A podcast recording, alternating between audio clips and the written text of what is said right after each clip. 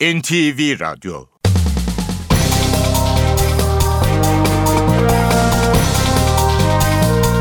İşe Giderken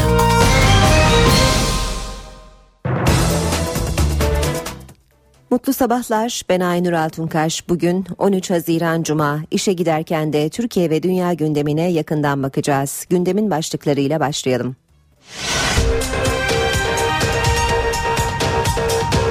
Dışişleri Bakanı Ahmet Davutoğlu Musul'daki gelişmeler konusunda muhalefete bilgi verdi. Davutoğlu rehin alınan Türklerin daha güvenli bir noktada olduklarını söyledi.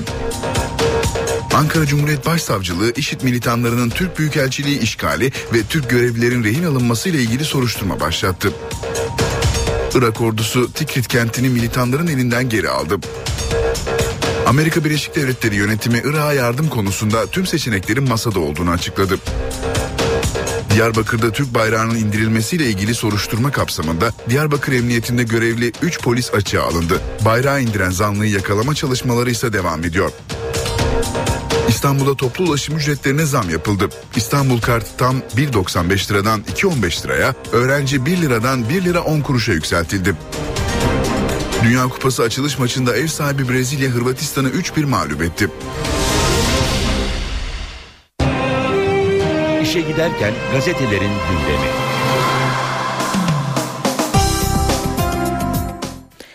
Hürriyet gazetesiyle basın özetlerini e, basın özetlerine başlıyoruz. Manşet 24 saat umudu. Ankara, Musul'da rehin alınan Türk diplomat ve özel harekatçılar için güvenilir aracıları devreye soktu. IŞİD'den serbest bırakma yönünde çarpıcı sinyaller var. 24 saat çok kritik. IŞİD militanlarının Türk personeli ve yakınlarını rehin almasından hemen sonra örgütle temasa geçildi. IŞİD hiçbir para talebinde veya takas pazarlığında bulunmadı. Hatta rehineleri ilk 24 saat içinde bırakabileceklerini bildirdiler. Ancak diplomatlarımızı kaçıran gruptakiler IŞİD komutanları ile konuştuktan sonra durum değişti. İlk 24 saatte umduğunu bulamayan Ankara bu sırada Washington yönetimiyle görüş alışverişi yaptı. Amerika'dan müzakerelere sonuna kadar devam edin. İlk hedef bütün rehineleri sağ kurtarmak olsun tavsiyesi geldi.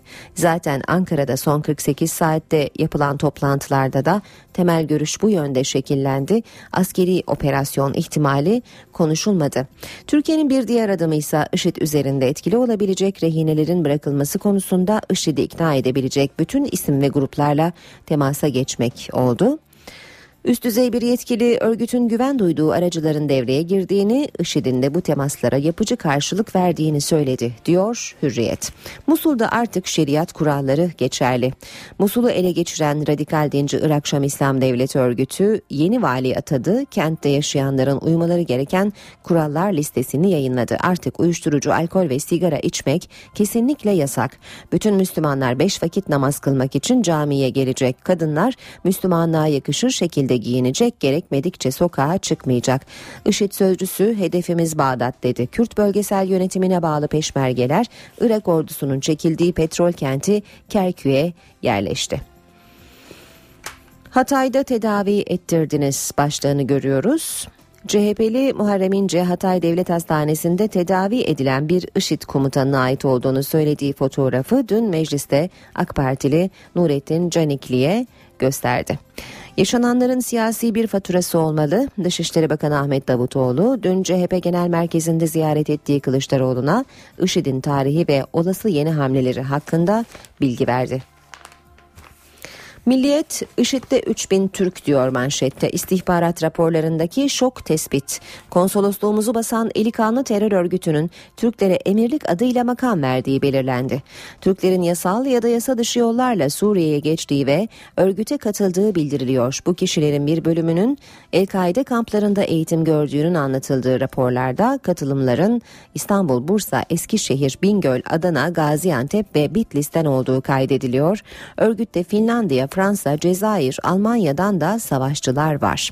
Musul'a hakim olduğu anda ilk olarak Merkez Bankası'na girerek paraya el koyan IŞİD'in Suriye'nin Rakka bölgesindeki petrol ticaretini yöneterek gelir elde ettiği de raporlara yansıdı. Bu çerçevede halen Hatay bölgesinden Türkiye'ye kaçak sokulan mazotun gelirinin doğrudan IŞİD'e gittiği ve örgüt tarafından bölgedeki kaçak mazot ticaretinin yönlendirildiği kaynaklarca belirtiliyor demiş Milliyet özel haberinde.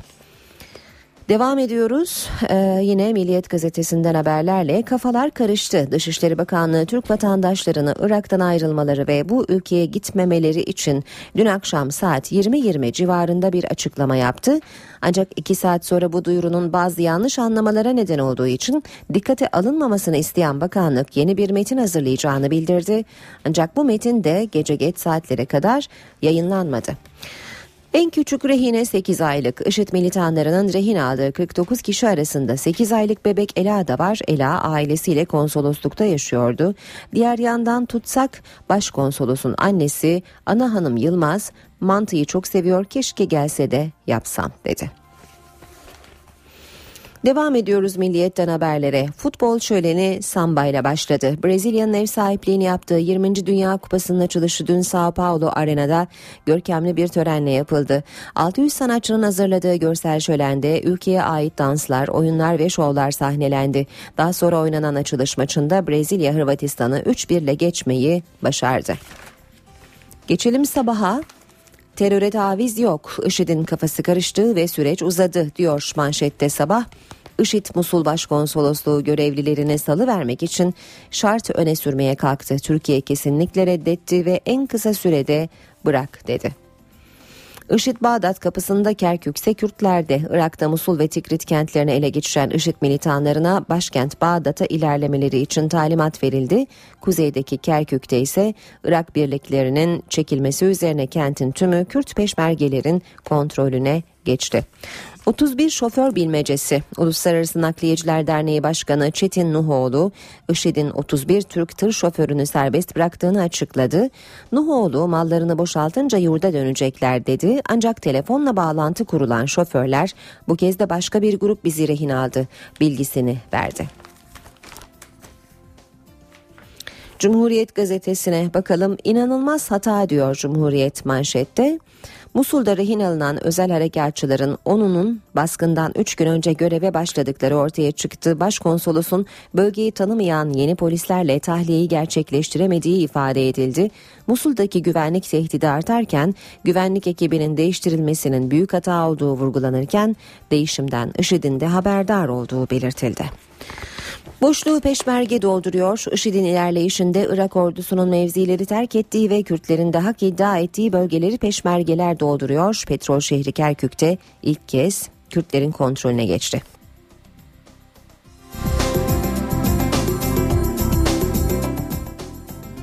Yine Cumhuriyet'ten bir başlık çıkarlar çıkarlar savaşı. Amerika ve İran cihatçıların ilerleyişine sessiz kalamadı. Kürt petrolünü Ruslar aldı.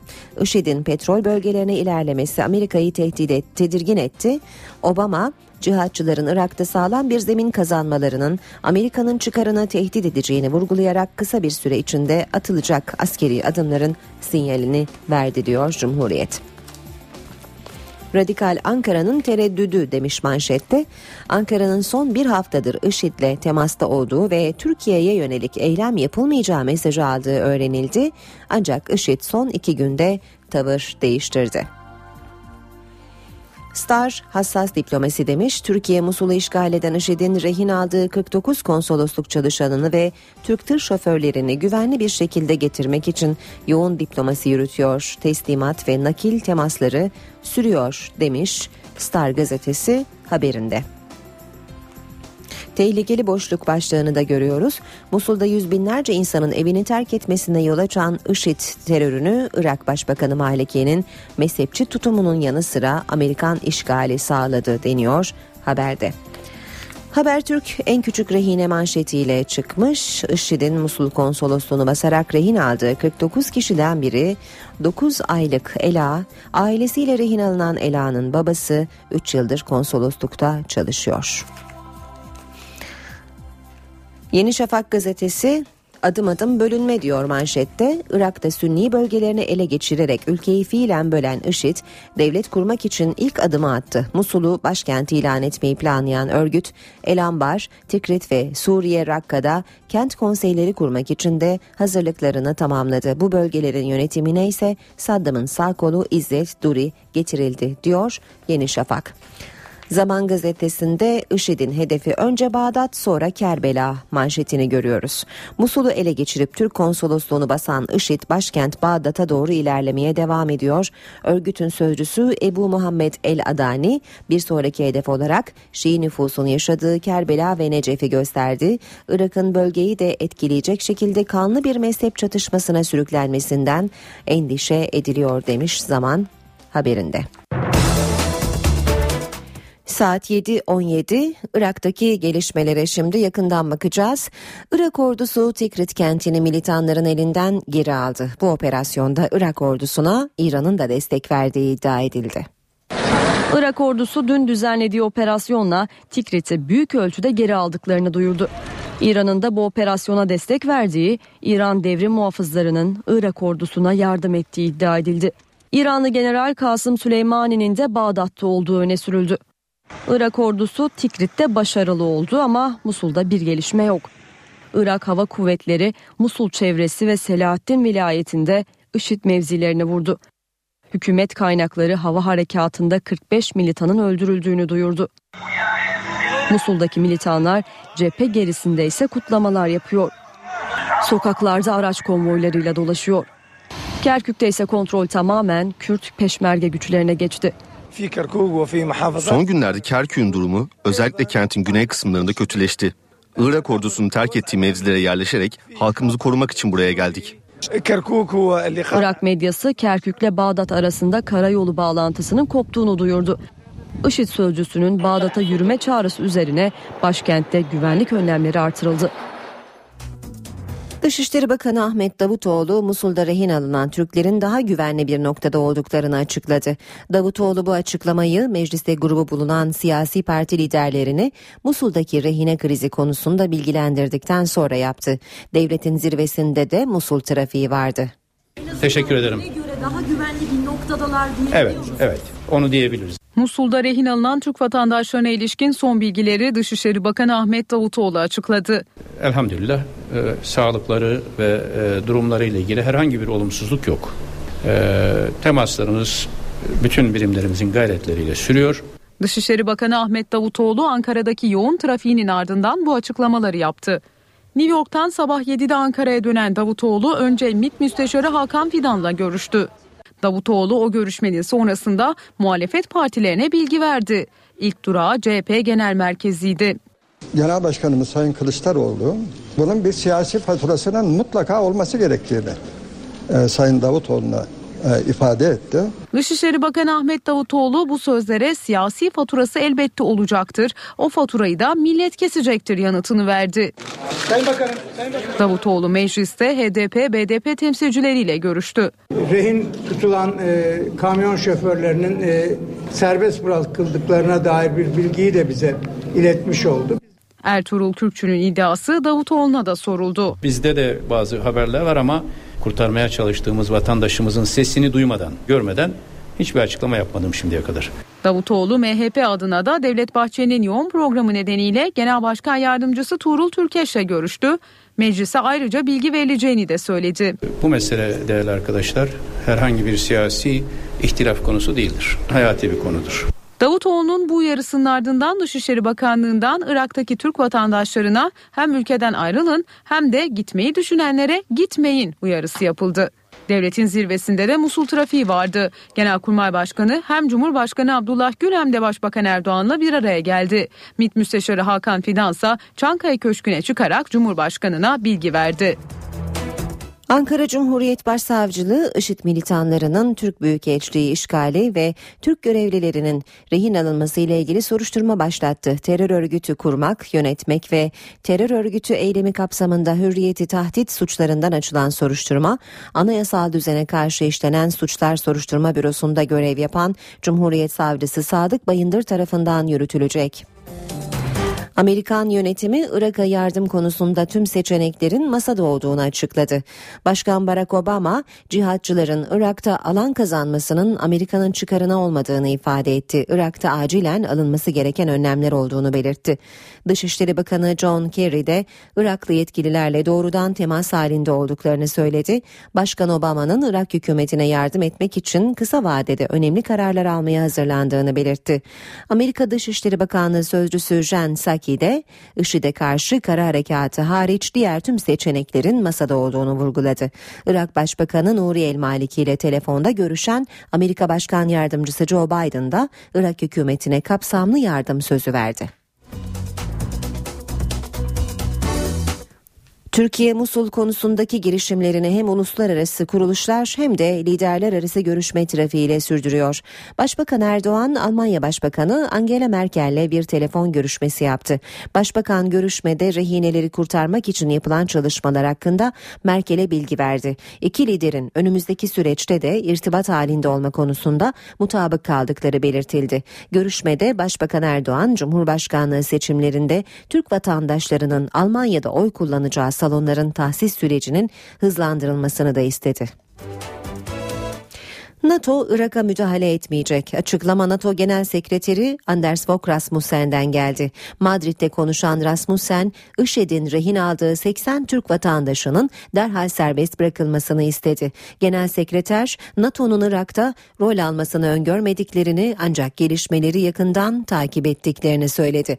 Rasmussen, Irak'taki şiddetin sona erdirilmesi çağrısı da yaptı. Musul'da rehin tutulanların Türkiye'de yaşayan aileleri endişeli.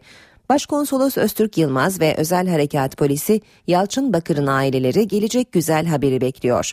IŞİD'in elindeki en küçük rehine ise sadece 8 aylık.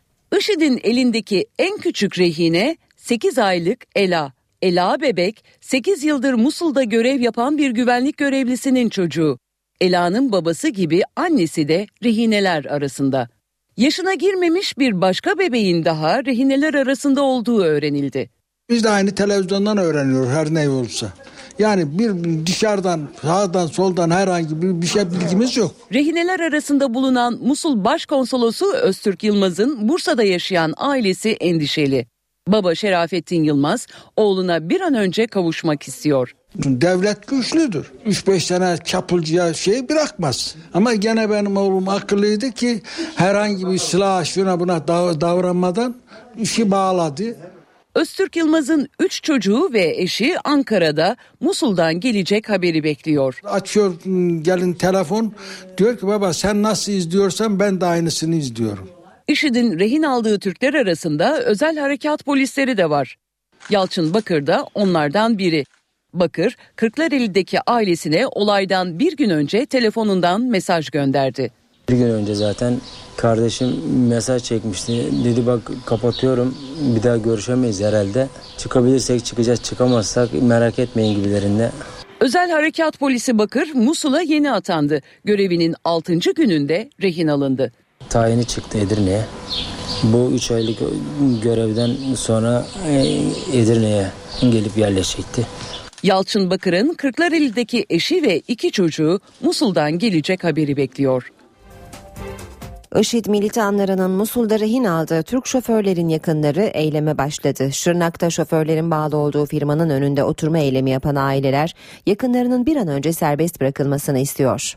Musul'da rehin alınan Türk şoförlerin yakınları oturma eylemi başlattı. Kardeşlerimiz gelmeden biz bu eylemi sonlandırmayacağız. Böyle devam edecek bitene kadar. Aileler Şırnak'ın Silopi ilçesinde şoförlerin bağlı olduğu firmanın önünde toplandı. Oturma eylemi yapan grup araçların giriş çıkışına izin vermiyor. Firmanın şoförleri kurtarmak için 5 milyon dolar fidye vermeyi kabul etmediğini söyleyen aileler çözüm istiyor.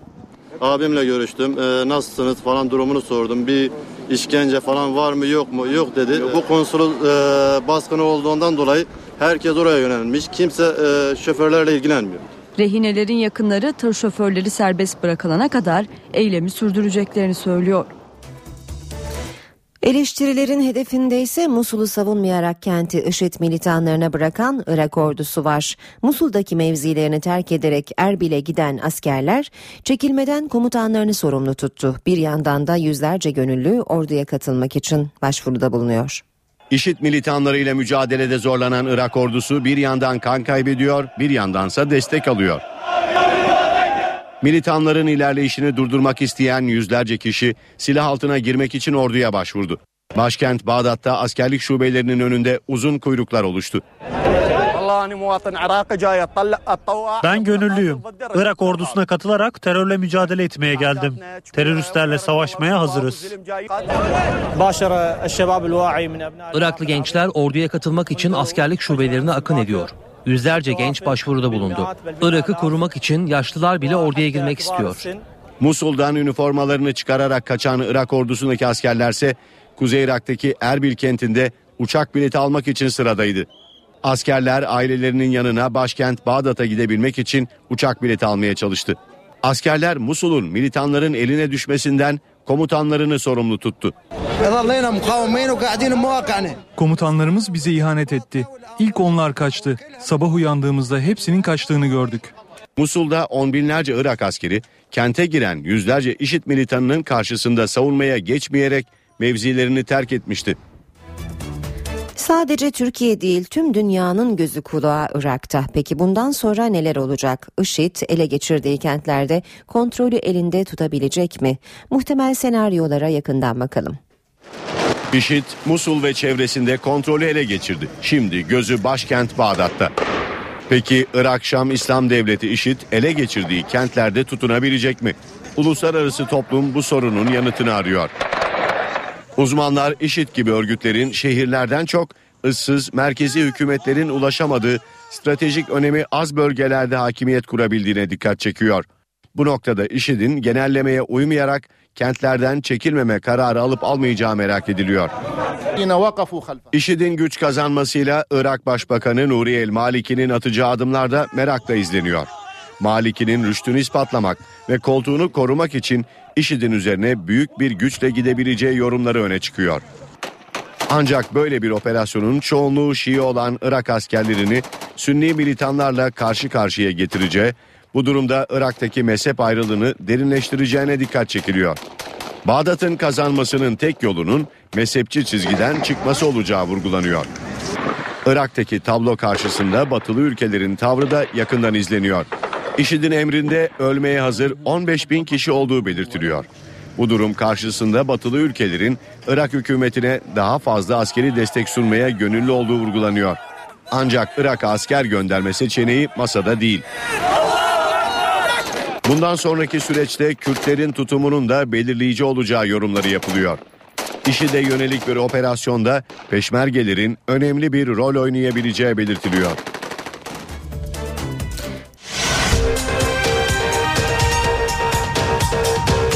Dışişleri Bakanı Ahmet Davutoğlu Musul'daki gelişmeler konusunda muhalefete bilgi verdi. Davutoğlu rehin alınan Türklerin daha güvenli bir noktada olduklarını söyledi. Ankara Cumhuriyet Başsavcılığı IŞİD militanlarının Türk Büyükelçiliği işgali ve Türk görevlilerin rehin alınması ile ilgili soruşturma başlattı. Irak ordusu Tikrit kentini militanların elinden geri aldı. Amerika Birleşik Devletleri yönetimi Irak'a yardım konusunda tüm seçeneklerin masada olduğunu açıkladı. Diyarbakır'da Türk bayrağının indirilmesiyle ilgili soruşturma kapsamında Diyarbakır Emniyetinde görevli 3 polis açığa alındı. Bayrağı indiren zanlıyı yakalama çalışmaları ise devam ediyor. İstanbul'da toplu ulaşım ücretlerine zam yapıldı. İstanbul Kart tam 1.95 liradan 2.15 liraya, öğrenci 1 liradan 1 lira 10 kuruşa yükseltildi. Dünya Kupası açılış maçında ev sahibi Brezilya Hırvatistan'ı 3-1 mağlup etti.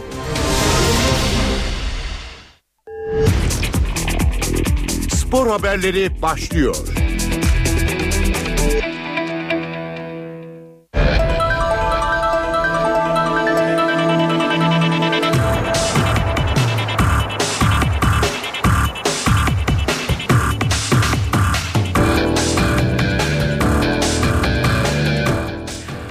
Günaydın ben Ayhan Aktaş spor gündeminden gelişmelerle birlikteyiz. Gündem Dünya Kupası ev sahibi Brezilya Dünya Kupası'na galibiyetle başladı.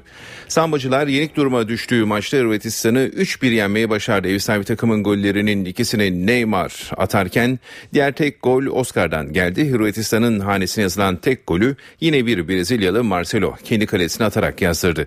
Bu sonuçla A grubundaki ilk maçında 3 puanı hanesine yazdıran Brezilya grup liderliği için büyük avantaj yakaladı. Brezilya Hırvatistan maçı sonrası Hırvat teknik adam Niko Kovac maçın Japon hakemine büyük tepki gösterdi. Hakemin penaltı kararının çok ağır olduğunu savunan Kovac, hakemler böyle olacaksa şimdiden evimize dönelim dedi. Herkes saygıdan bahsediyor. Bugün bize hiç saygı gösterilmedi. Eğer bu penaltıysa artık futbol oynamamıza gerek yok. Hep birlikte basketbol oynayalım. Hakemler bu tür kararlar vermeye devam ederse burası bir sirke döner dedi. Brezilyalı teknik direktör Luis Felipe Scolari ise hakemin penaltı pozisyonunda doğru karar verdiğini savundu. Binlerce kişi pozisyonu görmedi mi? Hakem pozisyonu gördü ve kararı verme hakkı da onun. Ayrıca biz de hakemin doğru karar verdiğini düşünüyoruz. Hırvatistan teknik direktörü hakemin kendilerine yardımcı olmadığını söylüyor. Bence onlara biz yardımcı olmadık şeklinde açıklamalarda bulundu. Dünya Kupası'nda heyecan 3 maçla devam edecek. Günün programını da hemen aktaralım. A grubunda saat 19'da Meksika ile Kamerun karşı karşıya gelecek. Saat 22'de B grubu mücadelesinde İspanya Hollanda ile saat gece 01'de ise Şili Avustralya ile karşı karşıya gelecek Dünya Kupası ilk maçında. Ve bu maçlara biraz ayrıntısına girelim isterseniz. Dünya Kupası'nda ikinci günde bir maça sahne olacak. 4 yıl önce kupa finalinde karşı karşıya gelen İspanya ile Hollanda bu kez ilk grup maçında kozlarını paylaşacak. İspanya ile Hollanda Salvador kentindeki Fonte Nova stadında Türkiye saatiyle 22'de karşı karşıya gelecek. Maçı İtalyan hakem Nicola Rizzoli yönetecek. İki takım 4 yıl önce Dünya Kupası finalinde karşı karşıya gelmişti. Hollanda'nın fiziksel futbolun sınırlarını zorladığı, kontrataklardan önemli fırsatları gole çeviremediği maçı Andres Iniesta'nın uzatmada attığı golle kazanan İspanya tarihinde ilk kez Dünya Kupası'nı kucaklamıştı. Matadorlar Brezilya'ya o şampiyon kadroda yer alan tam 16 futbolcuyu götürdü. Bugüne dek hiçbir dünya şampiyonu bir sonraki turnuvada kadrosunu bu ölçüde korumayı başaramamıştı. Teknik direktör Vicente Del Bosque'nin elinde bu kez Diego Costa gibi bir de gol silahı var. Kupadan hemen önce sakatlanan Costa tamamen sağlığına kavuşmuş durumda. Hollanda ise büyük bir hüsranla sonuçlanan 2012 Avrupa Futbol Şampiyonası sonrası gençleşme operasyonuna gitti. Kupa sonrası Manchester United'ın başına geçecek teknik direktör Louis van Gaal milli takıma Hollanda liginde forma giyen birçok genç oyuncuyu davet etti. Ancak Hollanda'nın vurucu gücü yine Wesley Sneijder, Arjen Robben ve Robin van Persie üçlüsü olacak. En güvendiği oyunculardan Kevin Strootman'ı uzun süreli bir sakatlığa kurban veren teknik direktör Van Hal, genç oyuncularının enerjisinden en üst düzeyde yararlanmak için takımını 5-3-2 dizilişinde sahaya sürmeyi planlıyor. Kazanan grup birinciliği yolunda büyük avantaj elde edecek. Bu grubu ilk sırada bitirmek önemli. Zira ikinci sırada kalan takım büyük olasılıkla çeyrek final öncesi ev sahibi Brezilya ile karşılaşmak zorunda kalacak. A grubunda ikinci tur bileti alma hayalleri kuran Meksika ve Kamerun'u karşı karşıya getirecek maçtan nasıl bir sonuç çıkacağı yine merakla bekleniyor. Mucize eseri Dünya Kupası bileti alan Meksika iddialı. Kamerun'da hazırlıklar büyük bir oyuncu isyanı ile gölgelense de kendisine güveniyor. İzleyicimiz Tugay Koç sormuş Hollanda. Evet bu haberimizle ilgili e, betamızda bir sıkıntı olduğu için ilerleyen dakikalarımızda bu haberimizi tekrar verme, vermeye çalışacağız. Diğer haberimize geçelim. Arjantin büyük umutlarla Dünya Kupası'ndaki ilk maçını bekliyor. Bosna Hersek karşılaşması öncesi basının karşısına çıkan Gary ve Biglia savunmalarının zayıf olduğu yolundaki eleştirilere karşı çıktı. Arjantin belki de Dünya Kupası'nın en güçlü forvet hattına sahip. Lionel Messi, Sergio Agüero, Angel Di Maria ve Gonzalo Higuain'den oluşan forvet hattı birçok takımın korkulu rüyası olacak nitelikte. Ancak tangocuların orta saha ve savunması forveti kadar parlak değil. Takımın hazırlıklarını sürdürdüğü Belo Horizonte'de kameraların karşısına geçen Garay ve Biglia iddialı açıklamalar yaptı. Zayıf bir savunmaya sahip oldukları yolundaki inanışa güldüklerini vurgulayan Garay, 2010 Dünya Kupası'nda Almanya ile oynadıkları maçı hatırlatarak geçmişte neler olduğunu biliyoruz. Bu bir daha asla tekrarlanmayacak dedi. Arjantin 4 yıl önce Güney Afrika'da Almanya'ya 4-0 yenilerek turnuvaya veda etmişti. Biglia'da çok önemli forvetlere sahip olmalarına karşın 2010'daki hatayı tekrarlamayacaklarını dile getirdi. Bu kez savunma güvenliğini bırakmaya niyetleri olmadığını belirten Biglia, hücumu savunmada başlatacağız. Hedefimiz dengeli bir oyun ortaya koyup topu Messi ile buluşturmaya çalışmak olacak diye konuştu.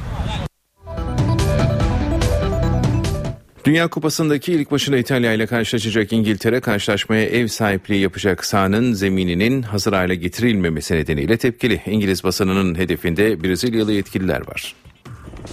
İngiltere İtalya ile oynayacağı maç öncesi zemin endişesi yaşıyor. Karşılaşmanın oynanacağı Manaus'taki Arena Amazonas'ın zemininin hazır olmaması İngiliz yetkililerin tepkisine yol açtı. Zeminde yer yer oluşan boşluklar futbolcu sağlığını tehdit edecek boyutlarda. İngiliz basında sahanın durumuyla ilgili olarak Brezilyalı yetkilileri hedef tahtasına oturtmuş durumda.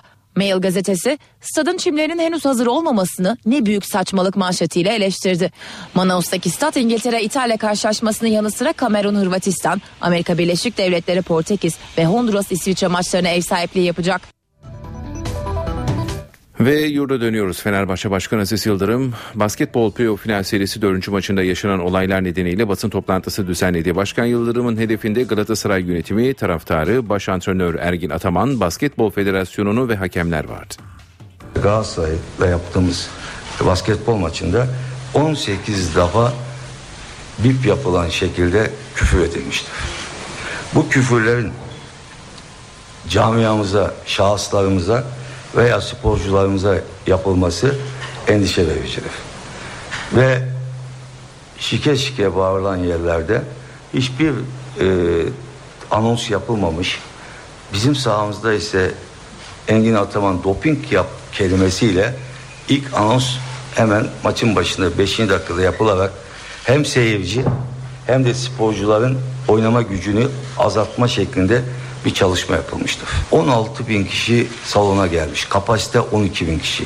4 bin kişi fazla alınma var. Bilet hak etmeyenler dahi. Biletli veya biletsiz.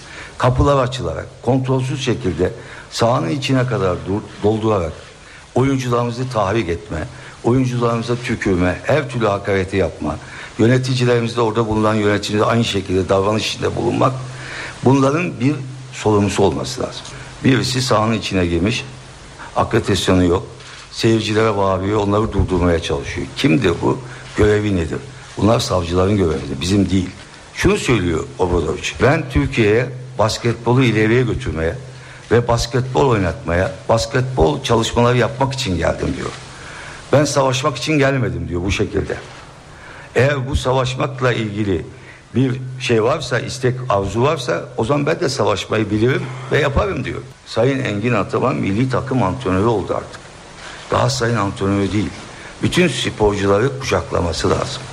Çünkü rakibi Fener Galatasaray'ın antrenörü olmasına rağmen karşısında oynadığı takımda Fenerbahçeli yarın onunla çalışacak sporcular var. Bu sporcuların yüzüne nasıl bakacak? Nasıl onları milli takıma çağıracak? Ve biz Fenerbahçe olarak bunları milli takıma göndermiyoruz dersek ne yapacaklar? Türkiye'de basketbol hakemleri mi, milyadını doldurmuştur artık. Yeni genç hakemlerin basketbolun içine girmesi gerekir. Yani bir hakemin görevi iki rakip oynarken bir takım oyuncusunu kolundan tutup uzaklaştırıp onun ceza almasını veya başka bir problem yaşamasını önlemek değildir. Bu, bu onun görevi değildir. Onu yaparsanız bir başka tak, öbür rakip takıma haksızlık etmiş olursunuz. Yenmek yenilmek önemli değil. Şampiyon olabiliriz olmayabiliriz de. Ama bir şampiyon olacağız. Onu bilin yani. Biz bu takıma güveniyoruz. Hocamıza güveniyoruz. Biz Fenerbahçe ülke olarak bu sene şampiyon olacağız. Bunu önleyemezler. Yarın nasıl her yer karışıyorsa bu tribünler de karışır. İstemediğimiz olaylar olur. Yanlış şeyler olur. Bakın hep bunları durdurmaya çalışıyoruz. Fenerbahçe stadında, futbol sahasında veya başka yerlerde küfürü duymuyorsunuz. Şike var diye bana bağırıyorsunuz. Bize bağır, benim şahsımda camiime bağırıyorsunuz ama Türkiye'yi şikeye sokan da Türkiye'yi şikeye sokan da Galatasaray kulübüdür. Bunu unutmasınlar.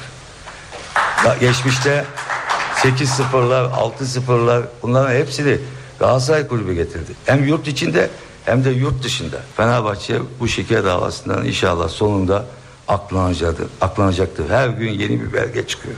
Yeni bir araştırma çıkıyor. Ve bunlar gerçekten örtünmeyeceğini hepimiz biliyoruz. Zamanın böyle bir şeyi de vardır. Ee, insanlara göstergesi de vardır. Bunun yanında da yine tekrar ediyorum. Bize şikeyi öğretenler, bu Türkiye'ye şike belasını sokanlar şike diye bize bağıramazlar. Biraz utanmaları lazım. Galatasaray Kulübü Fenerbahçe Başkanı Aziz Yıldırım'a sert yanıt verdi. 3 Temmuz sürecine vurgu yapılan açıklamada Fenerbahçe yönetiminin final serisinin sonucunu etki etmeye çalışıldığı iddia edildiğinde açıklamada şu ifadelere yer verildi.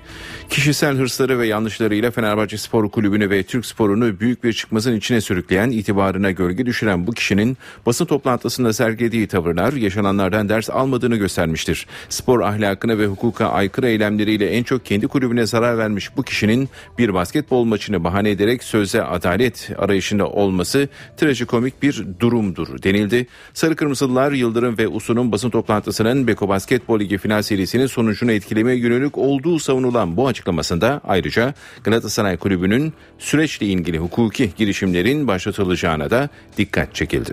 Bu haberimizle spor bültenimizi tamamlıyoruz. İyi günler diliyoruz. NTV Radyo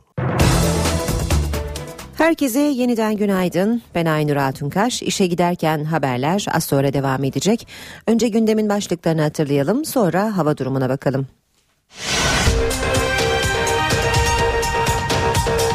Dışişleri Bakanı Ahmet Davutoğlu Musul'daki gelişmeler konusunda muhalefete bilgi verdi. Davutoğlu rehin alınan Türklerin daha güvenli bir noktada olduklarını söyledi.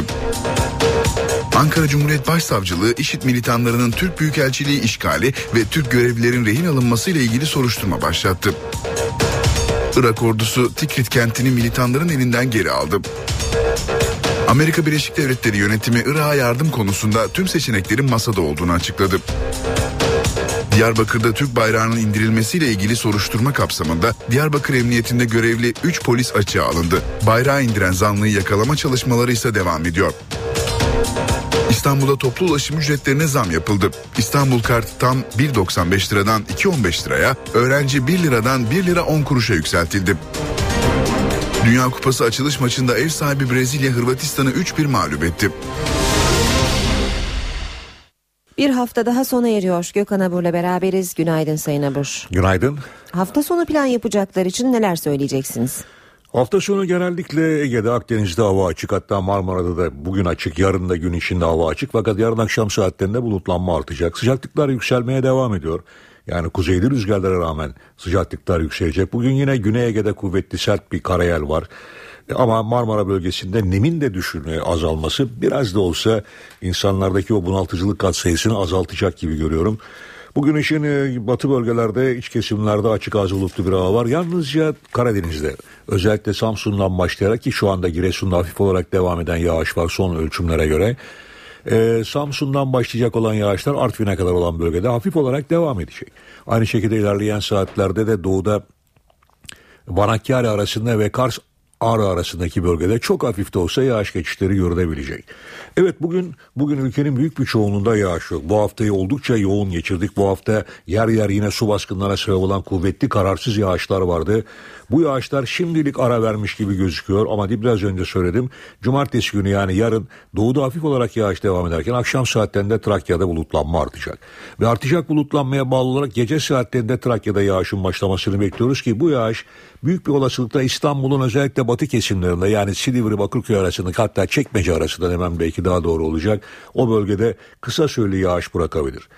Pazar günü ise doğuda hafif yağış var ama bu kez Marmara'nın batısında giderek e, bulutlanmanın artması Trakya'daki yağışları giderek kuvvetlenecek. Aynı şekilde pazar günü Batı Akdeniz ve Batı Karadeniz'in iç kesimlerinde de aralıklarla yağış bekliyoruz. Pazar günü akşam saatlerinde başlayacak bu yağışlar pazartesi günü de aralıklarla devam edecek. Evet pazartesi günü Marmara, İç Ege, Batı Akdeniz ve Batı Karadeniz bölgesinde yer yer kuvvetli sağanak yağmur geçişleri görülecek. Haftanın önümüzdeki haftanın ilk 3 gününde de yine aralıklarla yağış var. Evet e, hafta sonu hafta sonu özellikle Ege'de daha iyi gözüküyor. Hafta sonu Ege'de e, yağış yok. Hafta sonu özellikle yarın yok ama pazar günü Akdeniz'de yağış var. Marmara bölgesinde de sıcak bir hava var ama tekrar vurgulamak istiyorum. Cumartesi gece ve özellikle pazar gecesi ve pazartesi sabah saatlerinde İstanbul başta olmak üzere Marmara'nın batı ve güney kesimlerinde yine aralıklarla yağış görülecek. Bunlar çok kuvvetli yağışlar gözükmüyor şu an itibariyle. Havanın kapamasıyla oluşacak çok yerel yağışlar evet. ama sıcaklıklar yüksek. Gökhan Abur teşekkürler. Irak'taki gelişmelere yakından bakmaya devam edelim. Irak ordusu Tikrit kentini militanların elinden aldı. Bu operasyonda Irak ordusuna İran'ın da destek verdiği iddia edildi. Irak ordusu dün düzenlediği operasyonla Tikrit'i büyük ölçüde geri aldıklarını duyurdu. İran'ın da bu operasyona destek verdiği, İran devrim muhafızlarının Irak ordusuna yardım ettiği iddia edildi. İranlı General Kasım Süleymani'nin de Bağdat'ta olduğu öne sürüldü. Irak ordusu Tikrit'te başarılı oldu ama Musul'da bir gelişme yok. Irak Hava Kuvvetleri Musul çevresi ve Selahattin vilayetinde IŞİD mevzilerini vurdu. Hükümet kaynakları hava harekatında 45 militanın öldürüldüğünü duyurdu. Musul'daki militanlar cephe gerisinde ise kutlamalar yapıyor. Sokaklarda araç konvoylarıyla dolaşıyor. Kerkük'te ise kontrol tamamen Kürt peşmerge güçlerine geçti. Son günlerde Kerkük'ün durumu özellikle kentin güney kısımlarında kötüleşti. Irak ordusunun terk ettiği mevzilere yerleşerek halkımızı korumak için buraya geldik. Irak medyası Kerkük'le Bağdat arasında karayolu bağlantısının koptuğunu duyurdu. IŞİD sözcüsünün Bağdat'a yürüme çağrısı üzerine başkentte güvenlik önlemleri artırıldı. Dışişleri Bakanı Ahmet Davutoğlu Musul'da rehin alınan Türklerin daha güvenli bir noktada olduklarını açıkladı. Davutoğlu bu açıklamayı mecliste grubu bulunan siyasi parti liderlerini Musul'daki rehine krizi konusunda bilgilendirdikten sonra yaptı. Devletin zirvesinde de Musul trafiği vardı. Teşekkür ederim. göre daha güvenli bir noktadalar Evet, evet. Onu diyebiliriz. Musul'da rehin alınan Türk vatandaşlarına ilişkin son bilgileri Dışişleri Bakanı Ahmet Davutoğlu açıkladı. Elhamdülillah e, sağlıkları ve e, durumları ile ilgili herhangi bir olumsuzluk yok. E, temaslarımız bütün birimlerimizin gayretleriyle sürüyor. Dışişleri Bakanı Ahmet Davutoğlu Ankara'daki yoğun trafiğinin ardından bu açıklamaları yaptı. New York'tan sabah 7'de Ankara'ya dönen Davutoğlu önce MİT Müsteşarı Hakan Fidan'la görüştü. Davutoğlu o görüşmenin sonrasında muhalefet partilerine bilgi verdi. İlk durağı CHP Genel Merkezi'ydi.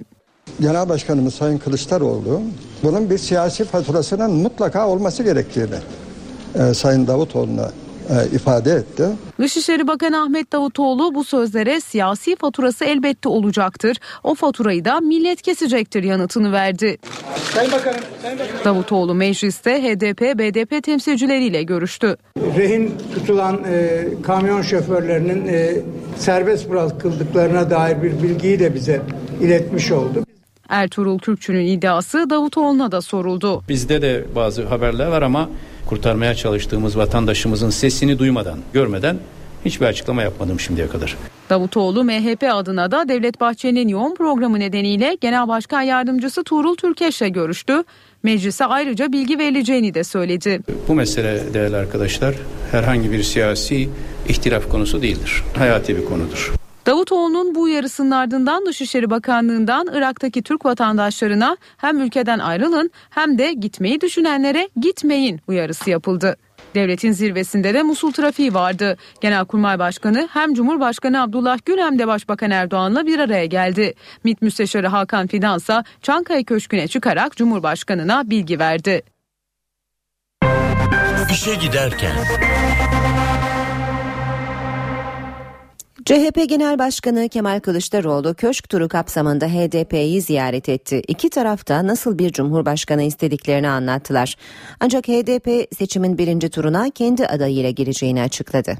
CHP lideri Kemal Kılıçdaroğlu köşk seçimi için siyasi parti turlarına devam etti. HDP eş başkanı Ertuğrul Kürkçü 10 Ağustos'ta yapılacak Cumhurbaşkanlığı seçimine kendi adaylarıyla gireceklerini açıkladı. Kürkçü ikinci turu işaret etti. Bizler e, Barış ve e, Demokrasi Partisi ile birlikte e, önümüzdeki Cumhurbaşkanlığı seçimlerinin birinci turunda kendimizin adayıyla yarışacağımızı Ancak Cumhuriyet Halk Partisi'nin de bizim zihniyetimize yakın bir aday göstermesi halinde ikinci e, turda seçeneksiz olmayabileceğimizi karşılıklı konuştuk. CHP lideri Kemal Kılıçdaroğlu ise toplumsal mütabakatla çıkarılacak adayın önemine vurgu yaptı. E, HDP e, kendi adayını göstereceğini az önce de ifade ettim. E, dolayısıyla e, biz çok daha geniş bir uzlaşmadan, bir toplumsal uzlaşmayla acaba bir aday çıkarabilir miyiz diye e, bir düşüncemiz vardı. Demokrasi istiyoruz, özgürlükleri istiyoruz, kadın erkek eşitliğini istiyoruz. Kılıçdaroğlu'nun köşk turu kapsamında önümüzdeki hafta MHP lideri Devlet Bahçeli ile ikinci kez bir araya gelmesi bekleniyor. Meclis Genel Kurulu'nda görüşülen yeni yargı paketinin 3. bölümü kabul edildi. Kabul edilen maddeler cinsel istismar, hırsızlık ve uyuşturucu suçlarıyla hasta mahkumlarla ilgili düzenlemeler içeriyor.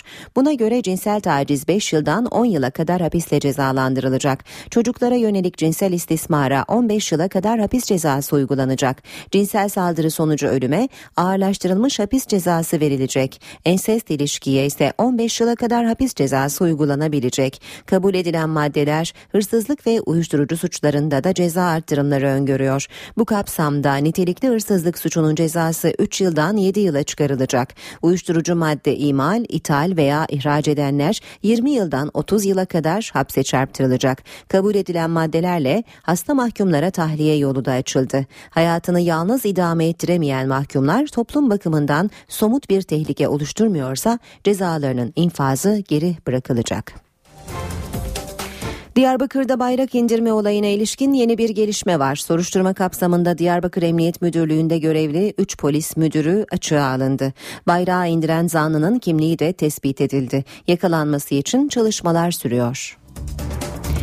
Mısır Çarşısı davasında yargılanan Pınar Selek'le ilgili kararı bozan Yargıtay gerekçesini açıkladı. Gerekçede mahkemelerin ceza genel kurulu kararlarına uyma zorunluluğu yok denildi. Hani beraat ettikten sonra her şey bitti diye düşünmüştüm. Mısır Çarşısı davasında iki kez beraat eden sosyolog Pınar Selek hakkında verilen ağırlaştırılmış müebbet hapis cezasını bozan Yargıtay 9. Dairesi kararının gerekçesini açıkladı. Gerekçede mahkemelerin ceza genel kurulu kararlarına uyma zorunluluğu olmadığı vurgulandı. İstanbul 12. Ağır Ceza Mahkemesi ceza genel kurulu kararlarına karşı direnilemeyeceği gerekçesiyle Selek hakkındaki beraat kararını bozarak müebbet hapis cezası vermişti. Yargıtay mahkemenin gösterdiği bu gerekçenin kanuna aykırı olduğunu belirtti ve oy birliğiyle hüküm bozuldu. Pınar Selek bir kez daha İstanbul 12. Ağır Ceza Mahkemesi'nde yargılanacak. 1998 yılında Mısır çarşısında 7 kişinin öldüğü, 127 kişinin de yaralandığı patlamaya ilişkin yargılanan Pınar Selek, bu yılın Ocak ayında ağırlaştırılmış müebbet hapis cezasına çarptırılmıştı. Gezi Parkı olayları ile ilgili Taksim Dayanışma Platformu'na yönelik açılan davanın ilk duruşması yapıldı. Mimar Mücella Yapıcı örgüt kurmak suçlamasını reddetti. Taksim Dayanışması Platformu üyeleri ilk kez hakim karşısına çıktı. 26 sanık suç işlemek için örgüt kurmak, yönetmek, kanuna aykırı toplantı ve yürüyüşlere katılmak gibi suçlardan yargılanıyor. Direniş sürüyor. İstanbul 33. Asliye Ceza Mahkemesi'nde görülen duruşma öncesi Adalet Sarayı hareketliydi. Çeşitli sivil toplum örgütleri ve sendikalar Taksim dayanışmasına destek için adliyedeydi. İddianameye göre Taksim dayanışması bir suç örgütü. Mücella Yapıcı, Ali Çerkezoğlu, Beyza Metin, Ender İmrek ve Haluk Ağabeyoğlu da bu örgütün kurucuları. Haklarında 13 yıla kadar hapis cezası isteniyor. Mimarlar Odası İstanbul Şubesi Sekreteri Mücella Yapıcı savunmasında bir örgüt kurmadığını söyledi. Hakkındaki tüm suçlamaları reddetti. Tek amaçlarının Gezi Parkı'nın yeşil alan olarak korunması olduğunu savundu. Sanıklara yöneltilen suçlamalar arasında sosyal medya üzerinden halkı kışkırtmak da var. Eski İstanbul Tabip Odası Genel Sekreteri Ali Çerkezoğlu Gezi Parkı'nın doğayı ve kamusal alanları koruma refleksi olduğunu söyledi. Diğer 21 sanık hakkında kanuna aykırı toplantı ve yürüyüşlere katıldıkları gerekçesiyle 3 yıla kadar hapis cezası isteniyor. Davaya sanıkların savunmalarıyla devam edilecek. Antalya'da Gezi Parkı olaylarına karıştığı gerekçesiyle 5 sanığın tutuksuz yargılandığı davanın ikinci duruşması da dün yapıldı. Sanıkların haftalık adli kontrol zorunluluğu kaldırıldı. Mahkeme heyeti sanık avukatlarının beraat talebini reddetti. Kırmızı fuların sosyalizmi simgelediği gerekçesiyle suç delili sayıldığı davada mahkeme heyeti sanıkların gözaltı sırasında el konulan tüm özel eşyalarının iadesine karar verdi. Kırmızı fularların ise iddiaya konu materyal olduğu gerekçesiyle iade talebi reddedildi edildi. Sanıklar hakkında 11 ile 98 yıl arasında hapis cezası isteniyor. İlk ve orta dereceli okullarda bugün karneler dağıtılıyor. Uzmanlardan iyi ve kötü karnelere yönelik uyarılar geldi. Uzmanlar velileri uyarıyor. Kırık not getiren öğrencilere ceza vermek yerine sorunun sebebini bulmak gerekiyor. Çocukların notlarının düşmüş olmasının birçok nedeni olabilir. Psikolojik problemler olabilir, çevresel etmenler olabilir, e, aile içinde bir takım problemler olabilir. Çok fazla e, nedeni var ve bu nedenleri oturup anlamak lazım. Yaz tatilinde birkaç saatlik takviye ders yeterli kötü not aldığı derslerden takviyeye ihtiyacı vardır. Dolayısıyla bu takviyenin nasıl yapılacağı planlanmalı. Eğer çocuk birkaç dersten eksikse o zaman o birkaç dersin takviyesi yapılabilir. Bu dönemde onları belki çok fazla kırmadan, üzmeden, e, tabii sadece aktivite değil ama ders konusunda da eksik oldukları dersler konusunda günde bir veya iki saat ayırarak e, onlara ailelerin yardımcı olmasını diliyorum. İyi karnelerdeki ödül beklentisini de abartmamak gerekiyor. E, aferin işte ne kadar güzel getirdin karneni seninle gurur duyuyorum ne kadar başarılısın e, gibi bir içten tebrik, içten teşekkür aslında çocukların e, birçok hediyeden daha çok hoşuna giden bir şey ve daha da sağlıklı bir şey. Peki yaz tatili boyunca neler yapmalı? Çalışan annelerin ve e, böyle ailelerin durumu biraz daha sıkıntılı. E, tabii çocuğa verilebilecek şeyler e, evde daha kısıtlı. E, o yüzden e, yaz okulunu öneriyorum. Tatil. Tatilde mutlaka ailecek işte annenin babanın izinlerine göre bir tatil planlanması gerekiyor. 10-15 gün ailelerinden uzakta bir takım sorumluluklar alarak geçirebilirler. İstanbul'da toplu ulaşım ücretlerine zam yapıldı. İstanbul Kart tam 1 lira 95 kuruştan 2 lira 15 kuruşa, öğrenci 1 liradan 1 lira 10 kuruşa yükseldi. Yeni tarife 15 Haziran'da uygulanacak. Buna göre aylık mavi kart tam 155 liradan 170 liraya, öğrenci 70 liradan 77 liraya, sosyal kartta 90 liradan 100 liraya yükseltildi. 8.23 oldu saat. İşe giderken de şimdi sırayı başkent gündemi alacak karşımızda NTV muhabiri Gökhan Gerçek var. Gökhan günaydın. Günaydın Aynur. E, Musul'da rehin alınan Türkler konusunda Ankara hala teyakkuzda. Bugün de e, bir görüşme trafiği olacak mı? Aynur üzerinden iki gün geçmesine rağmen kriz henüz çözülebilmiş değil. Önce konsolosluğumuz işgal edildi ardından da e, aralarında çok sayıda diplomatın da bulundu. Türk vatandaşlar rehin alındı.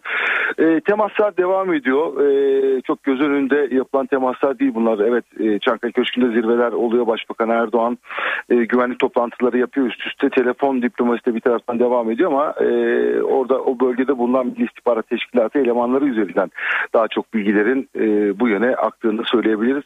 E, dün e, serbest bırakılacak dendi Türk vatandaşlar ama olmadı. Bugün gözümüz kulağımız yine Kuzey, e, Irak'ta, Kuzey Irak'ta e, hemen yanı başımızdaki komşumuzda Musul'da olacak. Irak Şam İslam Devleti e, örgütü önce Musul'a girdi ardından konsolosluğu işgal etti. E, Türklere dokunmayacağız dedi ama böyle bir olay meydana geldi. Bunun sebep ve sonuçları e, üzerinde duruluyor. Bir taraftan da sorunun e, kimsenin burnunun kanamadan çözülebilmesi için de söylediğim gibi diplomasinin diplomatik çalışmaların e, sürdüğünü söyleyebiliriz. Bugün de gündemimiz bu olacak tabii. E, iki gündür Musul, Musul tem, temalı kritik zirvelere ev sahipliği yapan Çankaya Köşkü'nde Cumhurbaşkanı Abdullah Gül'ün e, bugün de konukları olacak ancak bu kez e, konu Musul değil ama mutlaka gündeme gelecektir. Çünkü e, Cumhurbaşkanı Abdullah Gül'ün konu İçişleri Bakanı Efkan Hala olacak. Efkan Hala 99. E, dönem kaymakam adaylarıyla birlikte Cumhurbaşkanı Abdullah Gül'ü ziyaret edecek. Tabii e, konuya müdahale olan isimlerden bir tanesi Efkan hala e, gündeme gelmemesi e, beklenemez. E, bu nedenle bu konunun e, Gül hala görüşmesiyle de e, konuşulmasını bekliyoruz. Dün geç saatlere kadar resmi konutta Musul mesaisini sürdüren Başbakan Erdoğan ise bugün Rize'de olacak mesajlarını buradan e, vermesini bekliyoruz. 30 Mart'ın ardından teşekkür temaslarıyla yapılan e, çerçevesinde yapılan bir ziyaret bu. Halka seslenecek, toplu açılış törenlerine katılacak. E, halka sesleneceği konuşmada yine e, Musul'da yaşananlara ilişkin bir mesaj vermesini bekliyoruz. CHP lideri Kemal Kılıçdaroğlu ise Cumhurbaşkanlığı seçimine ilişkin aday çalışmalarına devam ediyor. Bugün İstanbul'da olacak Kılıçdaroğlu. E, bu kez de akademisyenler, yazarlar, aydınlar ve Alev Bektaş temsilcileriyle bir araya gelecek. Bu kez de onlara nasıl bir cumhurbaşkanı istiyorsunuz sorusunu yöneltecek. HDP eş genel başkanları Ertuğrul Kürkçü ve Sabah Tunceli ise başta Musul'daki gelişmeler ve çözüm sürecinde gelinen son durum olmak üzere gündemdeki gelişmeleri bir basın toplantısıyla değerlendirecek. E, meclis gündemiyle devam edelim. Genel kurulda yeni yargı paketinin görüşmeleri sürüyor. Paketin 3. bölümü de kabul edildi. İktidarla muhalefeti sık sık karşı karşıya getiren e, maddeler var. Tansiyon yükseldiği anlar oluyor. Bugün de görüşmeler sürecek. E, kabul edilen maddeler cinsel istismar, şiddet, hırsızlık uyuşturucu suçlarına yönelik ciddi ceza yaptırımları öngörüyor. Genel kurulda yine Musul konusunda e, gündeme gelmesi ve iktidarla muhalefeti karşı karşıya getirmesini bekliyoruz bu konunun. E, güne ilişkin eğitim başlığından iki notta bitirelim. Okul öncesi ilkokul, ortaokul ve liselerde eğitim gören 17,5 milyon öğrenci bugün karne heyecanı yaşayacak.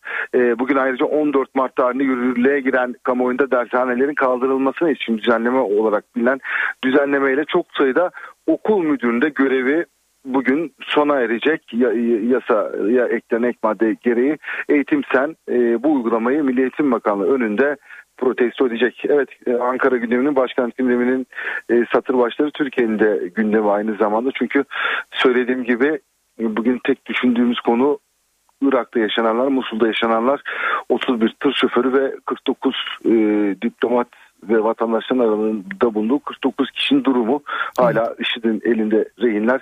E, diplomatik çalışmalarda bugün bir aşama kaydedilecek mi? E, Türk vatandaşları serbest bırakılacak mı? Gözümüz kulağımız Irak'ta olacak. Irak'ta olacak. Gökhan teşekkür ediyoruz.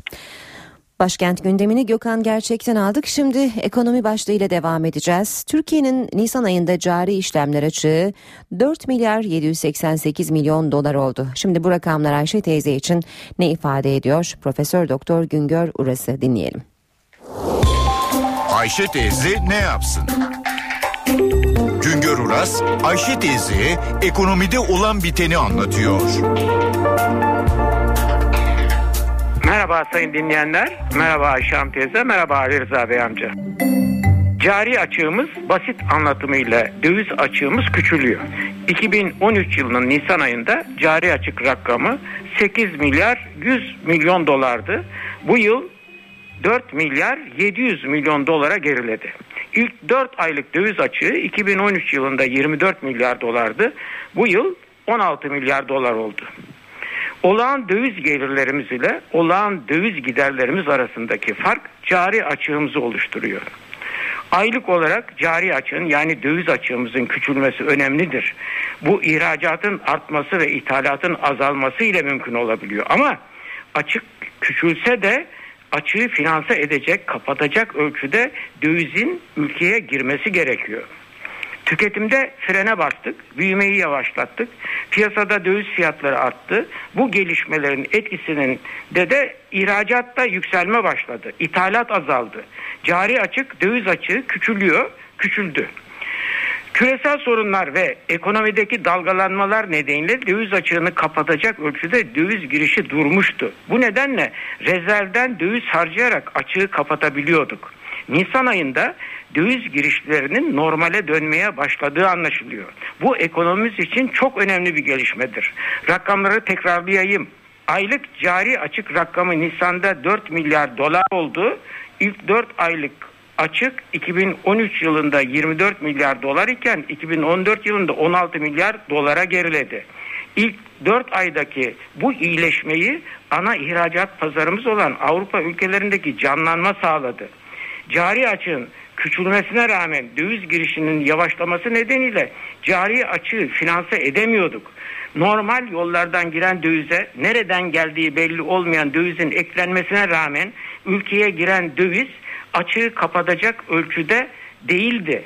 Nisan ayında döviz girişindeki tıkanıklık açıldı. Sermaye akımı ile ülkeye 8 milyar dolar girdi. İlk 4 ayda ülkeye 14 milyar döviz girişi oldu ama 4 aylık açık 16 milyar dolar olduğu için döviz girişi açığı kapatamadı. 4 ayda açığı kapatmak için gene de döviz rezervlerimizden 2 milyar dolar harcadık. Yılın tamamında 2013 yılında 65 milyar dolar olan cari açık rakamının bu yıl 57 milyar dolara gerilemesi bekleniyor.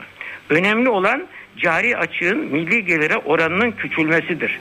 Cari açığın milli gelire oranı bu yıl yüzde beş buçuk, yüzde altı oranına gerileyecek. Bir başka söyleşi de birlikte olmak ümidiyle şen ve esen kalın sayın dinleyenler. Güngör Uras'a sormak istediklerinizi ntvradio.ntv.com.tr adresine yazabilirsiniz. Kısa bir ara vermeden önce piyasalara bakalım. BIST 100 endeksi 813 puanlık yükselişle 79.834 puandan kapandı. Bu sabah dolar 2 lira 12 kuruş, euro 2 lira 87 kuruşta, euro dolar paritesi 1.36, dolar yen 102 düzeyinde.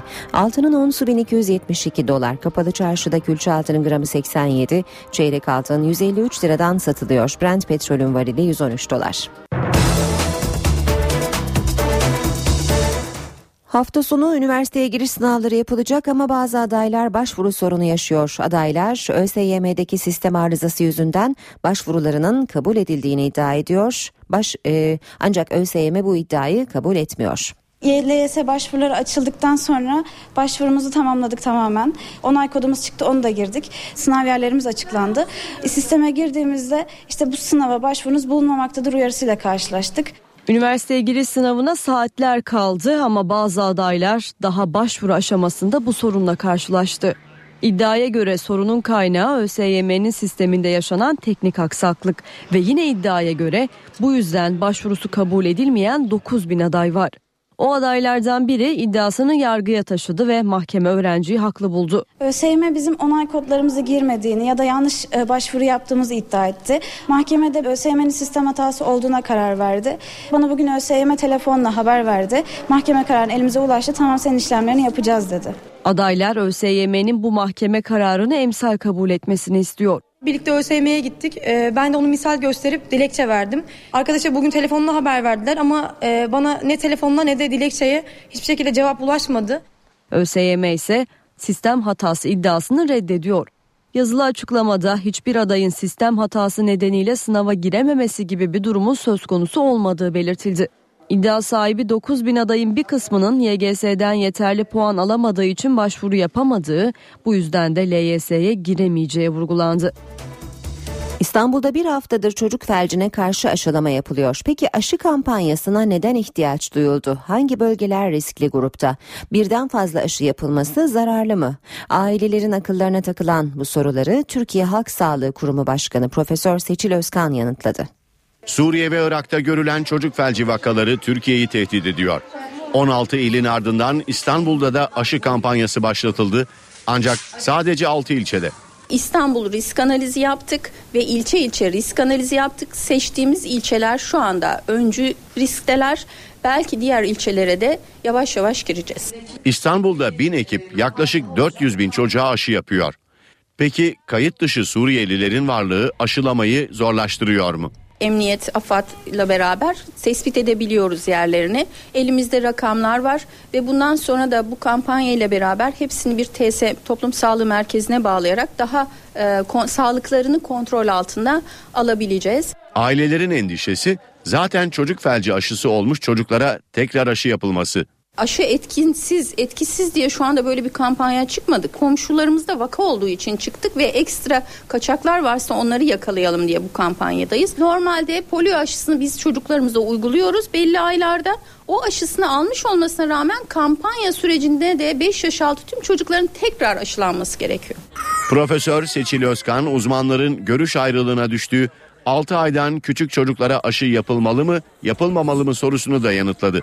Aileler bizim dediğimizi yapacaklar. 0-59 aylık tüm çocuklara uygulanıyor bu kampanyada ve uygulanabilir 0-6 aylık çocuklara. Kampanya 18 Haziran'a kadar devam edecek. Sancaktepe, Ümraniye, Fatih, Küçükçekmece, Esenyurt ve Sultan Gazi'de çocukları aşı olmamış ailelerin aile hekimlerine başvurmaları gerekiyor. Çocuk felci aşısının ikinci dozu Ekim ayında yapılacak. İşe giderken haberler sona eriyor. Sırada spor haberleri var. Ayhan Aktaş'tan alacaksınız. Saat başında yeniden buluşmak üzere. Hoşçakalın. Spor haberleri başlıyor.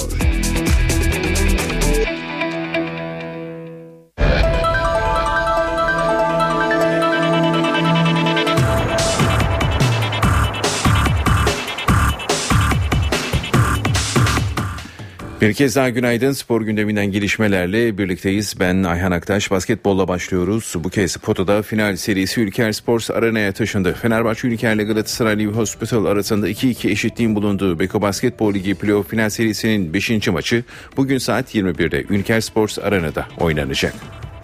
Beko Basketbol Ligi'nde 2013-2014 sezonunun şampiyonunu belirleyecek playoff final serisinde 5. maç Ülker Sports Arena'da oynanacak.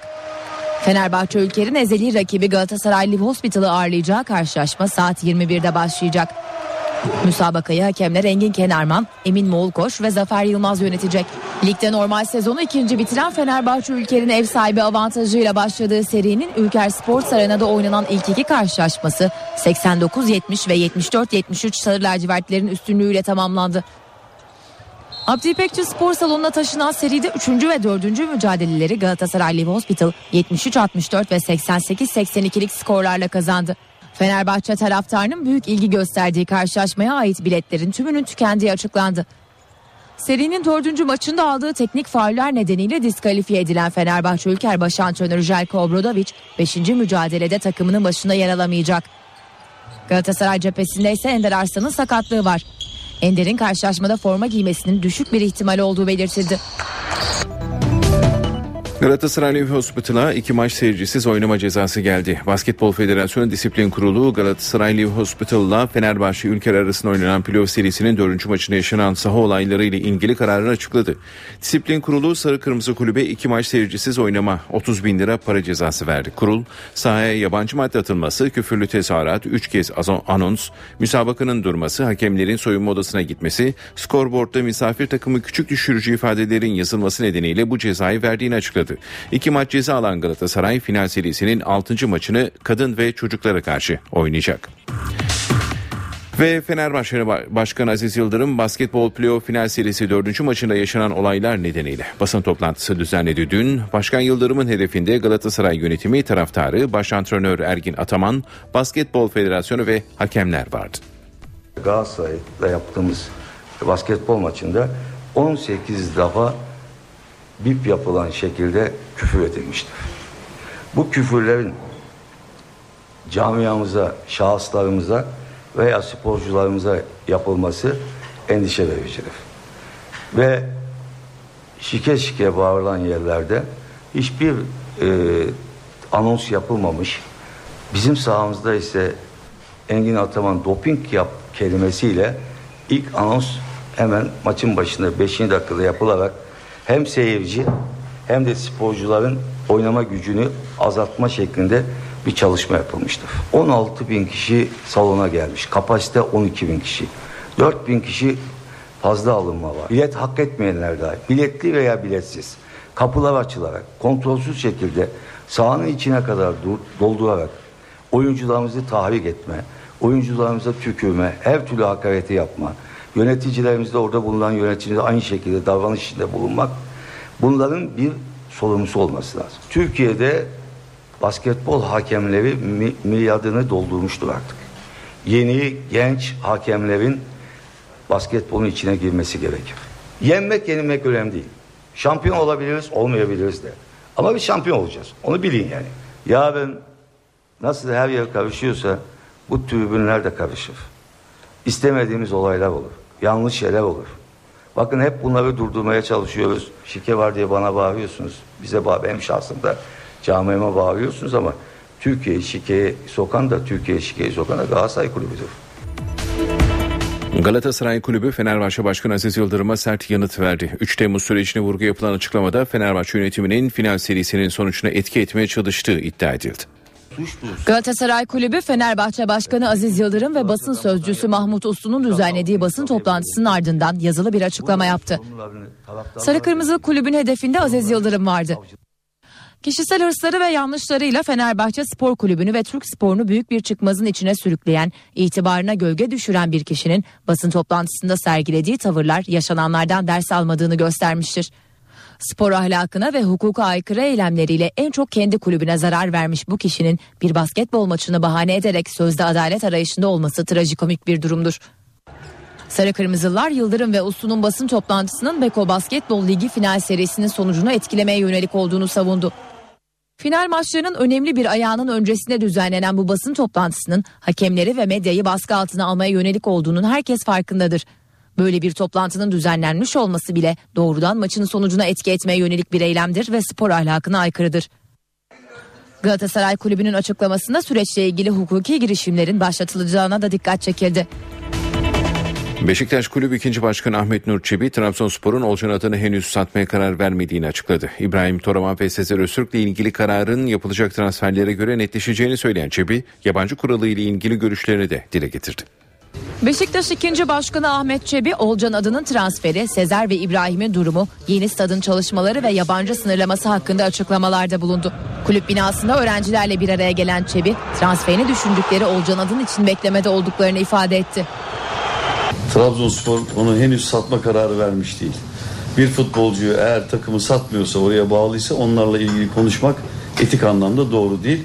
Bir Beşiktaşlı futbolcu Beşiktaş'a aitken bir başkasının onunla konuşması seni ne kadar üzerse o camiayı da üzüyor. Dolayısıyla biz o konularda biraz dikkatli davranmak istiyoruz. Çebi kadro dışı bırakılan İbrahim Toraman ve Sezer Öztürk'ün takımda kalıp kalmayacağı ile ilgili bilgi verdi. İbrahim ve Sezer'in e, bu sezon sonuna kadar kadro bırakıldığına dair bir e, karar var. E, sezon bitti. Şu an itibaren İbrahim Toraman'la Sezer cezaları kalkmış durumda, bitmiş durumdadır. Bundan sonra yapılacak olan e, transferlere göre kendileriyle yer bulunabilirse bulunacak, bulunamıyorsa yani kadro içerisinde onlar da ayrılacaklar ama bulma şansı olabilir mi? Tabii ki olabilir. Şu anda o çalışmaların hepsi bizim yapmış olduğumuz transfer çalışmalarına paralel yürüyen çalışmalardır. Yabancı oyuncu sayısı ile ilgili düzenlemeyi değerlendiren Ahmet Nur Çebi, bu rakam 5 artı 3 olabilir, 6 artı 2 olabilir. Yalnız bugün bu kararı verip yarın sabah uygulayamazsınız. Çünkü kulüpler verilmiş olan kararlara göre zamanı planlarlar. Onun dışında bizim bir muhalefetimiz yok dedi. Beşiktaş Kulübü 2. Başkanı sezon başında ezeli rakipleri Fenerbahçe ve Galatasaray'la maç yapıp gelirini de Soma'daki ailelere göndereceklerini söyledi. Ev sahibi Brezilya Dünya Kupası'na galibiyetle başladı. Sambaçılar yenik duruma düştüğü maçta Hırvatistan'ı 3-1 yenmeyi başardı. Ev sahibi takımın gollerinin ikisi Neymar'ın ayağından gelirken diğer tek golü Oscar kaydetti. Hırvatistan'ın hanesine yazılan tek golü yine bir Brezilyalı Marcelo kendi kalesine atarak yazdırdı. Bu sonuçla grubundaki ilk maçını 3 puan hanesine yazdıran Brezilya grup liderliği için büyük avantaj yakaladı. Dünya Kupası'nın heyecan 3 maçla devam edecek. Hemen programı aktaralım. A grubunda saat 19'a Meksika Kamerun'la karşı karşıya gelecek. Diğer maç B grubunda saat 22'de İspanya ile Hollanda arasında oynanacak. Son maçsa gece saat 01'de Şili Avustralya takımları arasında oynanacak. Bu haberimizde spor bültenimizi tamamlıyoruz. İyi günler diliyoruz. NTV Radyo